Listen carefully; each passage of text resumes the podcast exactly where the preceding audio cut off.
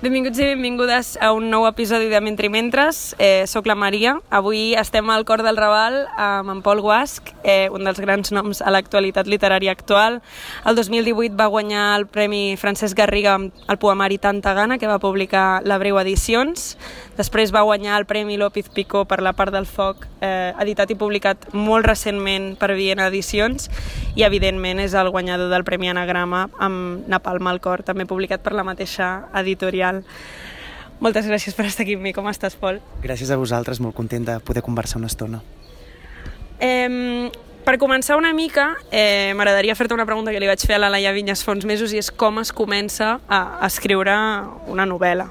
Eh, És una pregunta, de fet, que, que, que, que m'he fet no, darrerament, perquè de sobte això, no? publiques una novel·la, eh, passes d'un escenari que era l'escenari poètic a un altre escenari que és com l'escenari de, la, de la narrativa i, i clar, et preguntes moltes coses, no? I entre elles, un, una de les preguntes que em feia jo era "I- jo sé escriure una novel·la, jo sé fer, és a dir, crear, construir un, un, un artefacte així, i, i crec que no, no? És a dir, crec que la resposta és no, perquè crec que va ser una cosa, va ser un aprenentatge, més que un aprenentatge va ser una experiència un procés, un esdeveniment que, que no vaig decidir, no? És a dir, jo no, vaig, jo no, no tenia al cap d'escriure narrativa i era una cosa que jo havia pensat durant molt de temps i li havia donat moltes voltes, sinó que un dia m'hi vaig trobar, no? Sempre ho dic el mateix, és a dir, m'hi vaig trobar un dia vaig escriure unes proses, l'endemà hi vaig seguir, després vaig començar a escriure unes cartes, l'endemà hi vaig seguir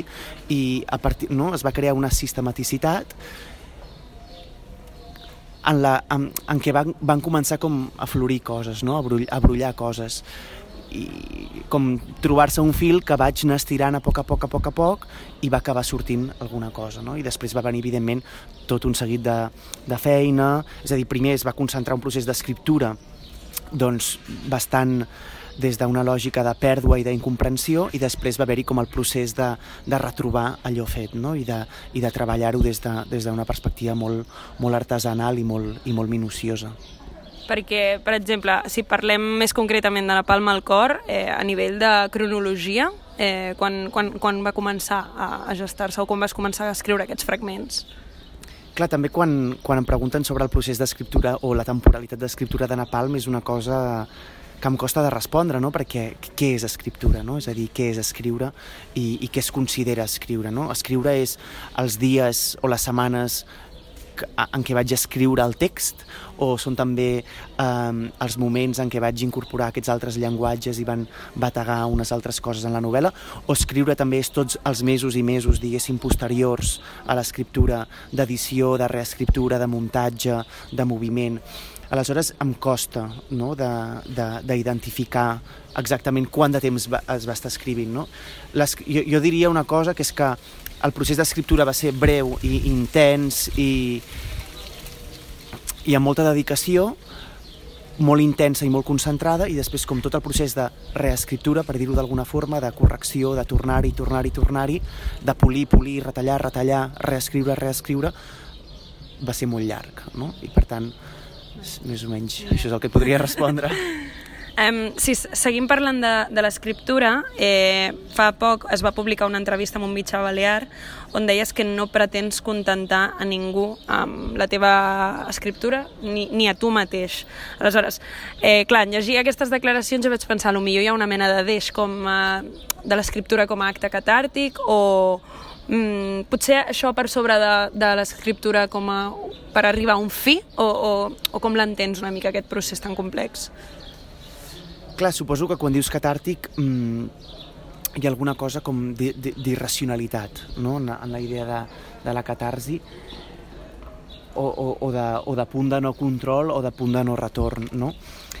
Clar, quan deia això, no, que no, no pretén complaure a ningú i, en, i dins d'aquest ningú és, no, no pretén complaure als altres però tampoc em pretén complaure a mi em refereixo a, és a dir, intento concebre la literatura, o en aquest cas l'escriptura, no? com, com un procés que, que no vol um, buscar complicitats fàcils, no? sinó el que si, si no entendre l'escriptura, i això és una cosa que he dit eh, sempre que, que m'ho han preguntat, no? tinc una mica la sensació de repetir-me, però entendre l'escriptura com l'entrada a un espai de complexitat, no? i per tant entrar en un espai de complexitat és, per exemple, entrar en un lloc on fugim dels binomis fàcils, no?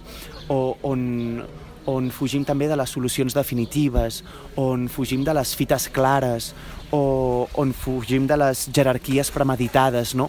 I per, per mi, totes aquestes coses que crec que la, la, per mi l'escriptura no són, són qüestions que van relacionades amb el fet de complaure, no? de complaure els altres, o fins i tot de complaure't a tu mateix, no? d'acabar-te trobant en una zona còmoda que vas repetint. De fet, un dia em van preguntar si l'estructura de Napalm era una... Jo havia trobat una estructura per repetir, no? És a dir, que la meva... si algun dia escrivia una altra novel·la, um, seria així. I jo vaig dir que no, que l'estructura de Napalm, la proposta de Napalm, té sentit en aquest moment particular, en aquest temps particular i en aquesta proposta particular, no? I ja veurem què passa. Per mi complaure seria dir, ja tinc aquesta fórmula, no? la fórmula Coca-Cola, que ara repetiré, no? Es tracta, jo crec, de, de, de, de, tot el contrari, no? De situar-nos en, una altra, en una altra lògica. Mhm. -huh. Aleshores, una mica seguint en, en, aquest, en aquesta línia del procés eh, abans d'entrar en, en Napalm, eh, més que com a autor també com a lector, com a estudiant d'estudis literaris també, com a eh, bueno, lector d'afició, suposo. Eh, quines influències eh, trobes que pot tenir la teva escriptura? Més enllà de, eh, de que et sentis atret per la prosa d'un autor, quin, quins autors una mica venen a tu quan involuntàriament en aquest sentit? La, la pregunta de les influències és una de...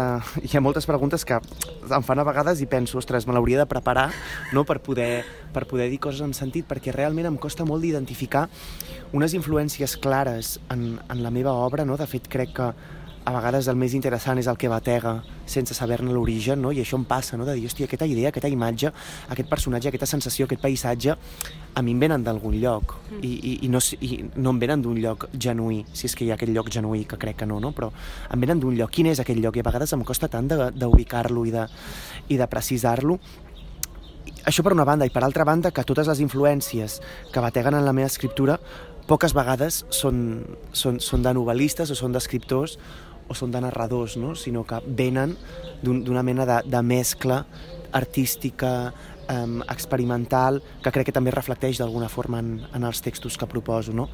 I per tant hi ha, hi ha molta influència, evidentment, passada pel, per la, pel text, perquè al final és un camp en, en, en què jo porto doncs, molt de temps movent-m'hi, no? I en aquest sentit doncs, hi hauria des de la tetralogia del Wagdim Abad parlant de teatre, o això la sociologia literària ficcional del Didier Eribon, Eduard Louis, eh, Maggie Nelson, no? tota, com tota aquesta deriva sociològica de la literatura, però també hi ha això, no? films des de, això, els films del Vidal Naquet, que, que m'interessen moltíssim, però també hi ha música, no? doncs música, doncs, des, hi ha molt la música de la Florence d'alguna manera o altra, mm, no sé, després hi ha instal·lacions, no? quadres, eh, hi ha, hi ha tot un seguit de, de, de, de, de sensacions bategant, no? d'impactes que, que activen alguna cosa i que aquesta activació porta després al, a l'escriptura. No? Mm -hmm. Eh, I d'aquestes eh, influències o aquests batecs tan diversos eh, ha sorgit eh, aquesta novel·la, El Napalm al cor, eh, que tant l'argument com l'estructura doncs, és, és singular, és diferent, són fragments, són cartes, són poesies, són imatges també, és una novel·la d'amor però a la vegada no ho és, de política però tampoc, de llengua però tampoc. Aleshores, quins pensaments tenies i com acabes fusionant tots aquests pensaments? Suposo que això es refereix també a aquest procés tan llarg de, de de postproducció que descrivies eh, ara fa un moment, però, però com, com cases totes aquestes idees? O sempre hi ha hagut un punt comú o una mica te'l vas trobar a mesura que anaves clar, aquí hi ha diverses coses, no? La primera, la qüestió de si, si és una proposta singular o diferent, no? Que per una banda jo penso que, que no, no? Um, en el sentit que activo tot un seguit de llenguatges i de propostes que, que, que ha fet moltíssima gent i molt millor.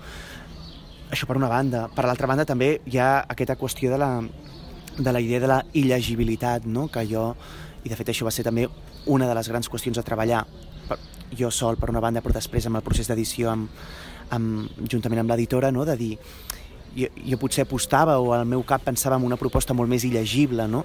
és a dir, que sortís més de certes dinàmiques que al final doncs, és això, no? un text que és perfectament llegible i que dins de la seva incomprensió um, és perfectament comprensible, no?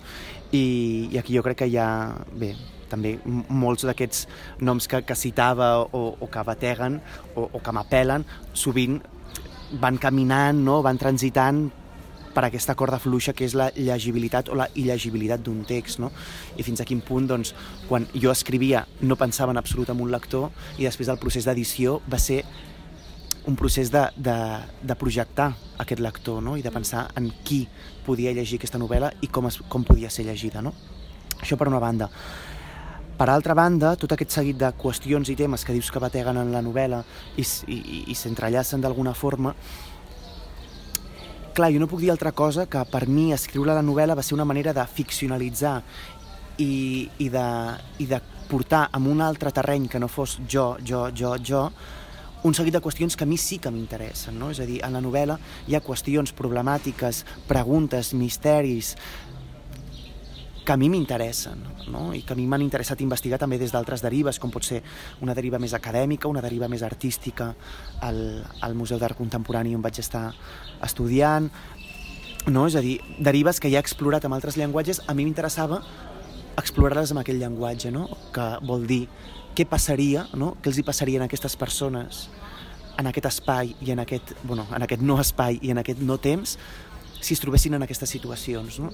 I per, d'alguna forma, de fugir de, de, del, de la precisió analítica de l'assaig, de la, això, de la, de la dèria egocèntrica de l'autoficció, no? i veure què podia passar en aquest espai imaginari o no tan imaginari. No?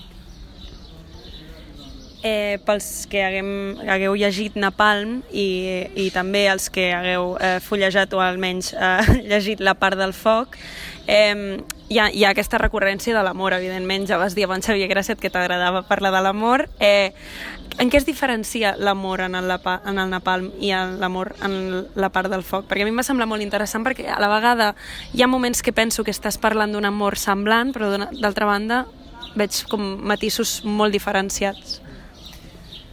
Clar, jo diria que una, una, una qüestió que m'interessava molt eh, fer a Napalm, amb la idea amorosa, és eh, escriure des d'un lloc una mica des de...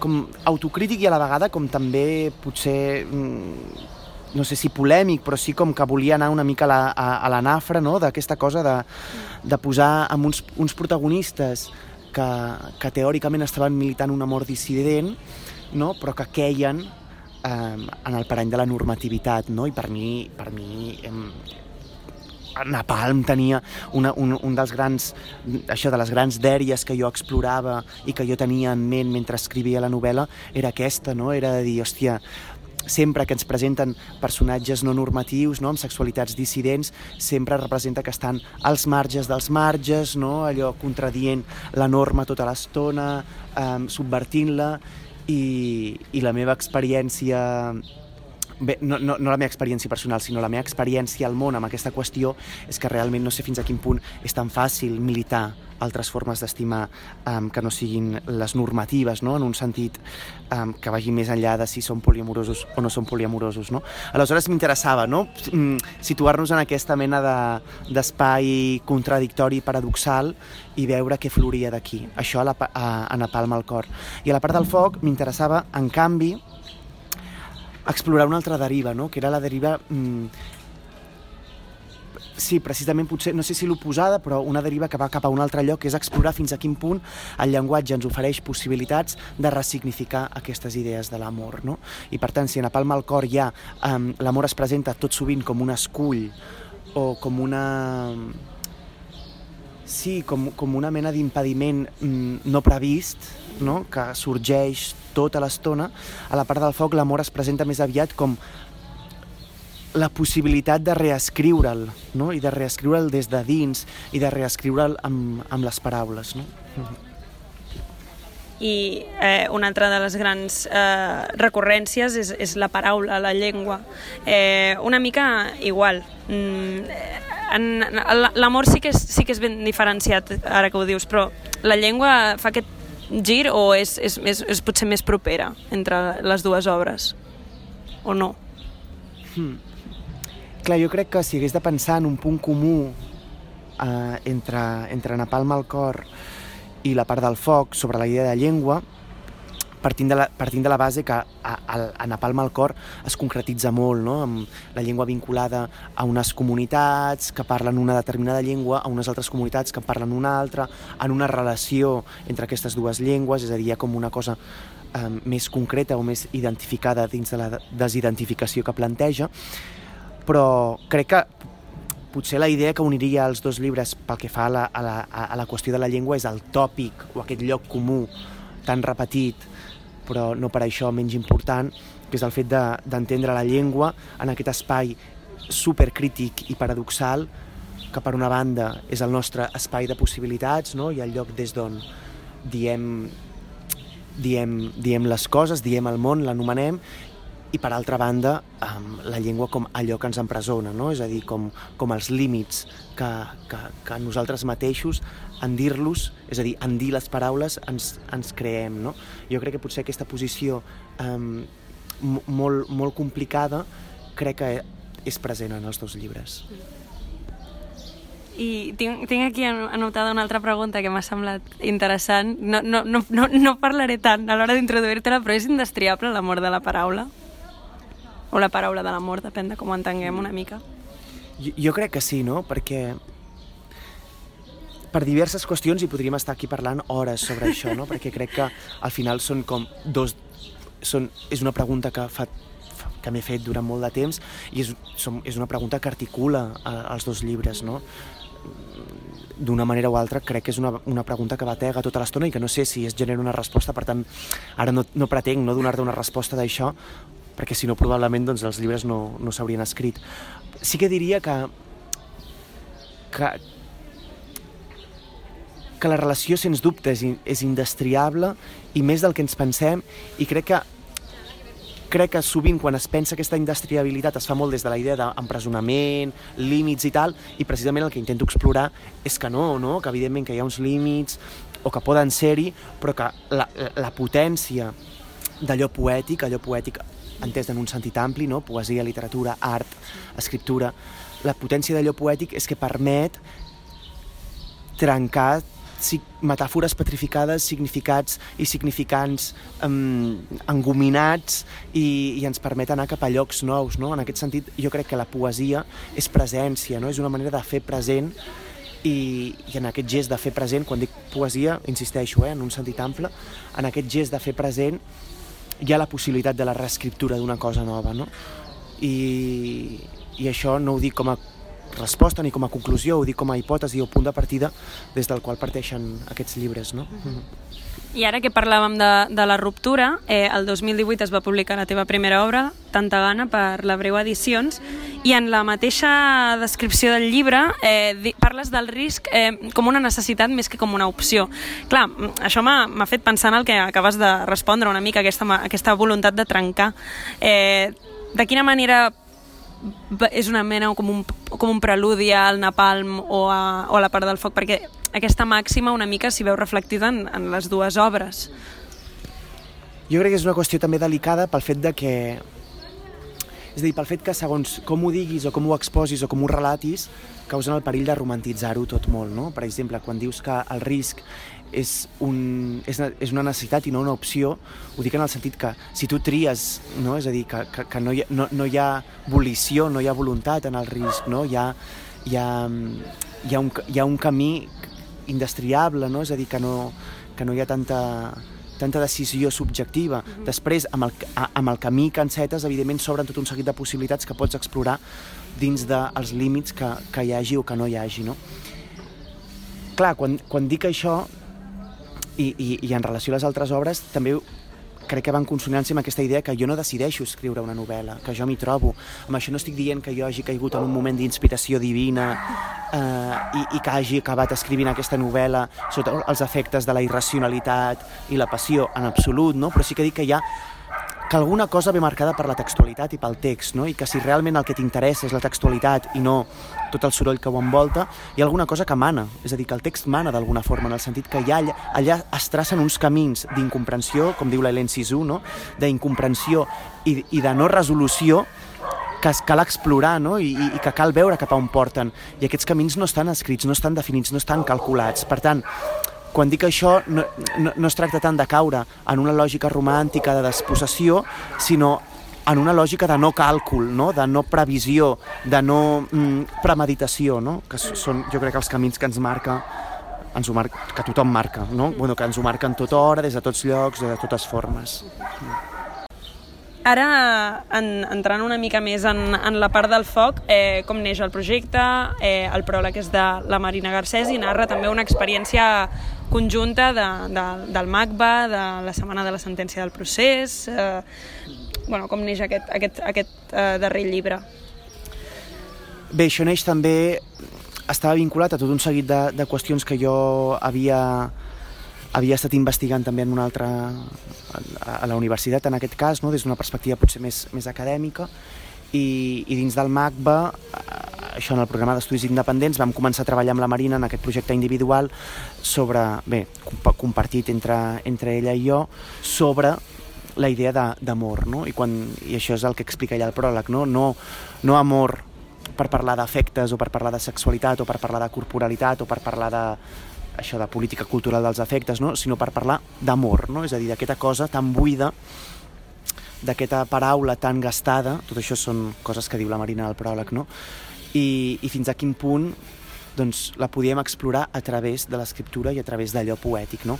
I aquí comença una exploració que té una deriva més acadèmica, és a dir, una deriva més d'investigació sagística eh, a partir de textos de l'Alice Spector, de la, de la Sisu, de, de la Maggie Nelson també, bé, hi ha, hi ha aquí una deriva més assagística i després hi ha una deriva més creativa, no? que era una manera de seguir pensant aquesta qüestió des de la poesia mateixa, no? des, de la, des de la creació i la invenció i es feia sempre, o la vaig fer sempre, eh, en paral·lel a un text de Maurice Blanchot, que es diu La part del foc, que ella el que fa ella és bàsicament exposar una idea concreta d'escriptura i de literatura, i jo pretenia reescriure o repensar aquest text pensant en un clau amorós, no? Què hagués passat, era la pregunta, què hagués passat si Maurice Blanchot, en comptes d'escriure sobre literatura i escriptura, hagués escrit sobre amor, no? Perquè creia que hi havia en aquell text tot un seguit de potencialitats molt interessants per ser pensades eh, des d'un altre angle, no? és a dir, desplaçant l'origen i la intenció original del, del text i així és com va, com va sorgir el projecte. Eh, per parlar una mica de, de, del disseny de la portada de bueno, la part del foc, l'edició és de, com ja hem dit, eh, Viena Edicions. És un oli sobre tela de Philip de Champagne, que és Agustí d'Hipona. I eh, el, pel que, pels que hagueu vist el llibre, és, eh, ell sosté una mena de cor a la mà i també és il·luminat per una mena de llum que diu Veritas. Eh, quin vincle té això amb, amb el llibre? O sigui, té, té cert pes filosòfic, no? O sigui, no és trivial la, la triar. No, no, sens dubte, i de fet, bé, la portada de Tanta Gana és, és negra, no?, perquè la col·lecció és, és així, sense cap imatge. La portada d'Anna Palma al cor també té un sentit, no?, amb, amb, amb aquesta baixada dels inferns, amb aquesta mossegada, la mirada eh, que assenyala de Dante i Virgili, el dimoni sobrevolant l'escena, la, la localització, la no temporalitat, no? és a dir, hi ha tot un seguit de, de qüestions que bateguen en la portada, que crec que quan t'introdueixes en el text vas descobrint, i que també genera una triangulació amb el contingut de l'obra i amb el títol, no? genera com una mena de tríada que crec que activa alguna cosa, no? I el mateix volia que passés a, a la part del foc, no? I per això m'agradava molt aquesta idea d'Agustí d'Hipona, no? com un representant això, no? d'un saber canònic, passat per tot un seguit de, evidentment, de, de, de, de reescriptures i de repensaments al voltant de, de la seva figura i del seu, i del seu pensament, eh? però al final no? una, una cosa tot canònica que sosté a les mans dues, il·luminada per la veritat, no? però que a la portada no hi és ni la veritat ni el rostre d'Agustí d'Hipona, en canvi sí que hi ha, i són les dues mans, a la portada i la contraportada, -huh. a la portada apareix el cor en flames i a la contraportada apareix la ploma, no? Per mi això concentra la potència que vol obrir el llibre, no? que és el vincle i la possibilitat de diàleg entre l'amor, no? la qüestió amorosa, el cor en flames, i, i també l'amor que s'acaba, d'alguna forma, el cor que es consumeix, que també és mm, el tipus d'amor que tracta el llibre, i per l'altra banda la ploma, no? l'escriptura. I, i, I també crec que aquest fet que, que estiguin un al revers de l'altre, no? és a dir, que, que no els vegis mai alhora, et genera una mena de misteri i d'ombra també que, que s'explora a, la, a la novel·la, ai, al, al llibre de poemes. Eh, per anar tancant una mica l'entrevista, sé que acabes de publicar aquest llibre, com aquí que diu, però hi ha, hi ha voluntat de seguir escri escrivint i, i hi ha, ha almenys la idea et revola una mica pel cap o, o vols deixar-ho pair i, i veure si t'hi porta una mica, si t'hi trobes, com deies abans. Sí, a veure, les ganes d'escriure sempre hi són perquè, i això també ho dic aquí i allà, no? perquè escric sempre que es... jo escric des, de, des del Gaudi, jo m'ho passo bé escrivint, per tant, per mi, escriure sempre és sinònim d'explorar de, de, de, des d'un lloc mm, agradable, no? Evidentment, en molts moments molt desagradable també, perquè hi ha mil coses que passen i, i, i, i, i mil coses que sorgeixen durant el procés que no són gens agradables, però el, el gest d'escriure, el moment d'escriure, per mi és un moment de plaer màxim i, i de gaudi per tant sempre tinc, sempre tinc ganes. Ara, una cosa és tenir ganes i l'altra és tenir possibilitat de fer-ho, no? i ara mateix eh, és bastant impossible. Espero, doncs, eh, properament, quan sigui, no? si el poder trobar-m'hi en un moment per poder dedicar-me a això de manera continuada i seguida i veure, i veure què passa. Moltes gràcies per aquesta entrevista. És un gust poder dialogar tan properament amb, amb, amb l'autor de, de Napalm al cor i, i de tanta gana i de la part del foc. Eh, jo t'agraeixo molt que hagis estat amb mi aquesta tarda. Eh, esperem que els oients hagin eh, gaudit d'aquesta entrevista. Si heu llegit Napalm al cor, segur que ho heu fet, i els que no l'heu llegit, doncs crec que és una bona manera d'obrir boca, no? Moltes gràcies, de veritat. Espero que hagi estat a gust. Sí, molt, molt. Moltes gràcies a, a tu i a vosaltres per la proposta i encantat. Doncs eh, fins aquí l'entrevista d'avui. Eh, us veiem a la propera càpsula barra episodi. Així que que vagi bé. Moltes gràcies.